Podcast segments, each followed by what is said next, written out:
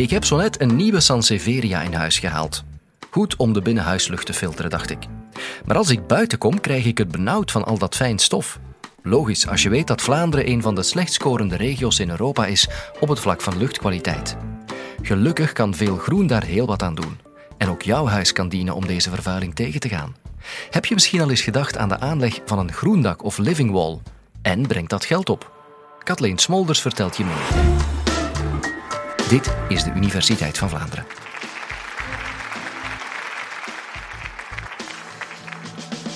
Wie van u vindt dat het slecht gaat met onze Vlaamse steden?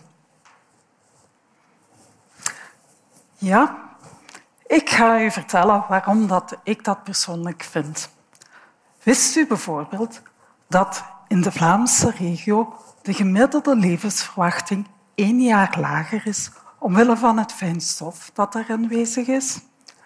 En wist u dat de Vlaamse regio daarbij een van de slechtst schorende regio's in Europa is? Ook ozon, stikstofoxide en andere schadelijke gassen hebben een negatief effect op onze gezondheid. In Europa sterven er jaarlijks 340.000 mensen vroegtijdig aan de gevolgen van luchtverontreiniging. Een tweede voorbeeld. In de stad is de temperatuur tijdens hete zomernachten gevoelig hoger dan op het platteland daarbuiten. In Gent werd bijvoorbeeld in de zomer van 2018 een temperatuursverschil van maar liefst 8 graden Celsius opgemeten tussen de stad en het platteland daarbuiten. Nu, voor gevoelige bevolkingsgroepen kan extreme temperatuur leiden tot sterfte. En in 2003 hadden we een hittegolf in Europa die vier maanden geduurd heeft. En toen zijn er maar liefst 70.000 mensen gestorven. En tenslotte, de verandering van het klimaat zal ervoor zorgen dat er steeds meer onweters met hevige regenval zullen zijn. Hierdoor zal het huidige rioolstelsel niet voldoende capaciteit hebben en zullen we dus meer overstromingen gaan hebben. Is er nu niets te doen aan al deze fenomenen? Natuurlijk wel. In de eerste plaats kijken we om de oorzaken van deze fenomenen te gaan wegwerken. We gaan bijvoorbeeld sterk vervuilend verkeer gaan weren uit onze steden. Maar er zal bijvoorbeeld altijd fijnstof aanwezig zijn. En met behulp van groen kunnen we die effecten gaan verminderen. Nu, dat kan door het aanleggen van parken, maar deze nemen extra ruimte in in de stad. En u weet ook dat de ruimte in een stad kostbaar en schaars is. Maar wij kijken binnen een onderzoeksproject naar groendaken en groengevels. En over dat onderzoeksproject ga ik u later nog wat meer vertellen. Nu, groendaken, de naam zegt het zelf en waarschijnlijk kennen de meesten het ook. Dat zijn daken waarop dat planten aangebracht worden. Nu, eerst moet er wel een substraatlaag aangebracht worden. En deze laag die bestaat uit vulkanisch gesteente. Dat zijn allemaal korreltjes van verschillende grootte. En in die substraatlaag gaan we dan die planten gaan plaatsen. We kunnen met heel dunne lagen gaan werken en dan kunnen we daar vetplanten voor gebruiken. Dat is een eenvoudig systeem en vraagt weinig onderhoud. En het gewicht van zo'n dunne substraatlaag is ook zodanig dat bijna elk bestaand tak die laag kan dragen. Willen we gaan werken met kruiden en grassen, dan zullen we dikkere substraatlagen moeten gaan gebruiken, bijvoorbeeld van 15 centimeter. En dan zal aan het substraat ook vaak organisch materiaal toegevoegd worden. Naast groendaken kijken wij ook naar groengevels. En u kent het waarschijnlijk allemaal, de gevels die beklimd zijn met klimop. Maar natuurlijk kunnen we ook met andere klimplanten gaan werken. Nu, bij deze systemen gaan de planten aan de voet van de gevel geplaatst worden en gaan de planten vanzelf naar boven klimmen. Naast deze traditionele systemen hebben we ook nog de living walls. Bij deze systemen worden de planten niet alleen onderaan de gevel geplaatst, maar ga je eigenlijk op verschillende hoogtes planten gaan plaatsen. En omdat die planten niet zelf moeten klimmen, kan je ook andere planten dan klimop of andere klimplanten gaan gebruiken.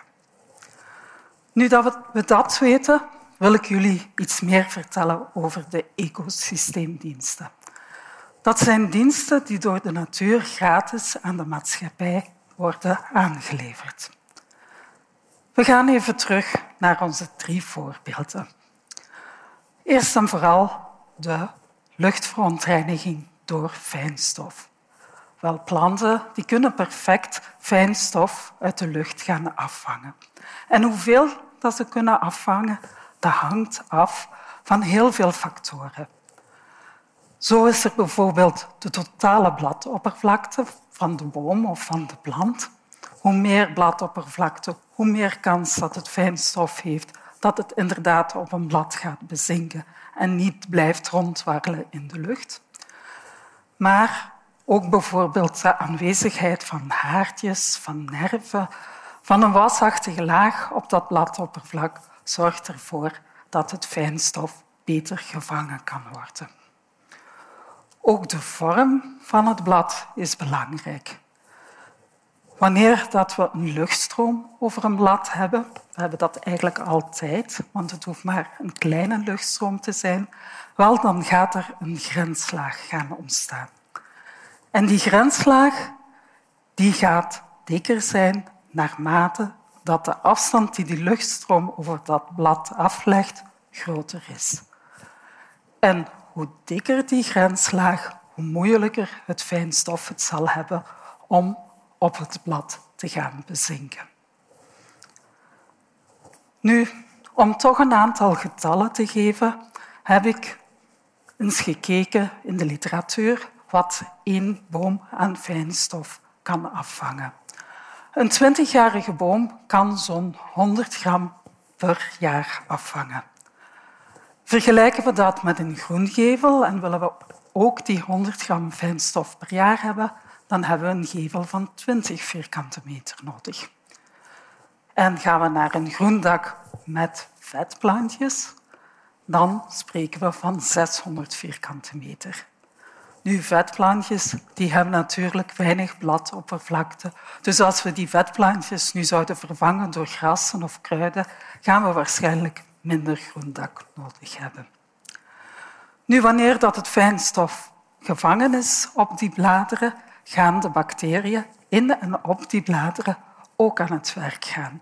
Zij gaan de meest schadelijke componenten van dat fijnstof gaan omzetten naar minder toxische componenten. En wanneer dat het dan eens hevig regent, dan gaat dat fijnstof mee naar de bodem gaan vloeien. Nu, planten die kunnen ook zorgen voor verkoeling. Eerst en vooral gaan zij natuurlijk schaduw gaan creëren. En daardoor zal de stad minder gaan opwarmen. Maar er is ook verkoeling door verdamping. Enerzijds zal de aanwezigheid van planten ervoor zorgen dat het water niet rechtstreeks naar de riool gaat en kan er dus verdamping optreden. Maar anderzijds gaan de planten zelf ook water gaan verdampen. En daar krijgen we dus een tweede verkoelingseffect. En wat nu met de overstromingen?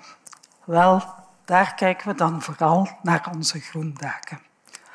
Wanneer dat we een hevige regenbui hebben, dan gaat het deel van het water dat op een groen dak terechtkomt, door die substraatlaag moeten sijpelen. Dat gaat langzamer dan wanneer dat het rechtstreeks naar de riool zou gaan.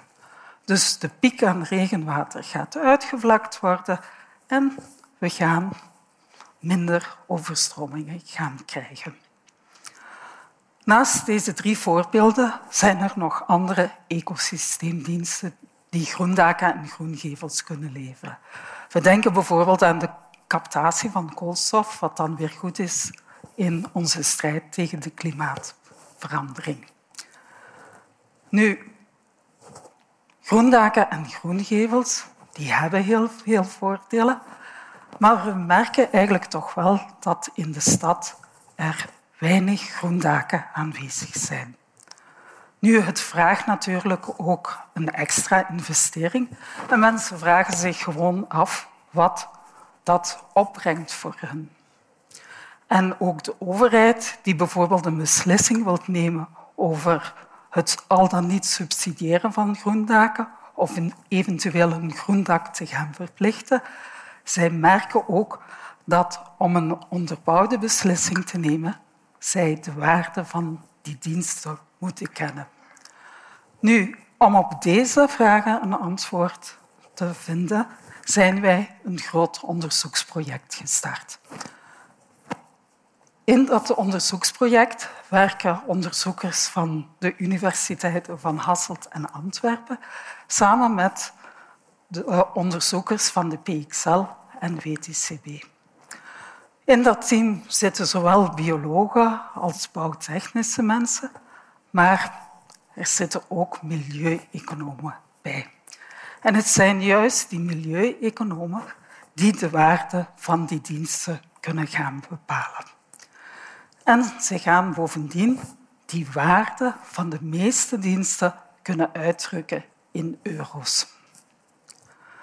Nu, vooraleer dat ze dat kunnen doen, moeten wij natuurlijk eerst weten wat die verschillende groendaken en groengevels aan diensten kunnen opleveren.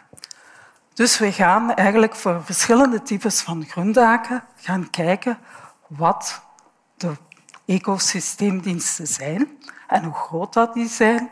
Gaan die bijvoorbeeld variëren met de dikte van de substraatlaag of met het substraattype of met de planten. En voor de groengevels gaan we dat ook gaan doen. Nu, we maken op die manier eigenlijk een beetje een vergelijkende studie voor heel veel ecosysteemdiensten. Maar we zijn niet alleen geïnteresseerd in de resultaten, we willen eigenlijk ook weten hoe dat het komt dat die diensten geleverd kunnen worden. En daarom gaan we ook kijken naar de aanwezigheid van bacteriën en schimmels bovengronds en ondergronds, omdat we eigenlijk al weten dat zij een belangrijke rol spelen in die processen. En dan aan het einde van het project gaan we een webapplicatie bouwen waarbij bijvoorbeeld de overheid kan nagaan welke ecosysteemdiensten dat er geleverd kunnen worden. Bijvoorbeeld, zij hebben opgemerkt dat in een bepaalde wijk veel fijne stof hangt. Wel, zij kunnen dan gaan kijken welk type van groendak is het meest geschikt. Wat gaat dat kosten? Maar vooral ook, wat is die waarde van die geleverde dienst? En de privé-eigenaar, wel, hij kan met behulp van die webapplicatie de waarde in euro's bepalen van zijn groendak.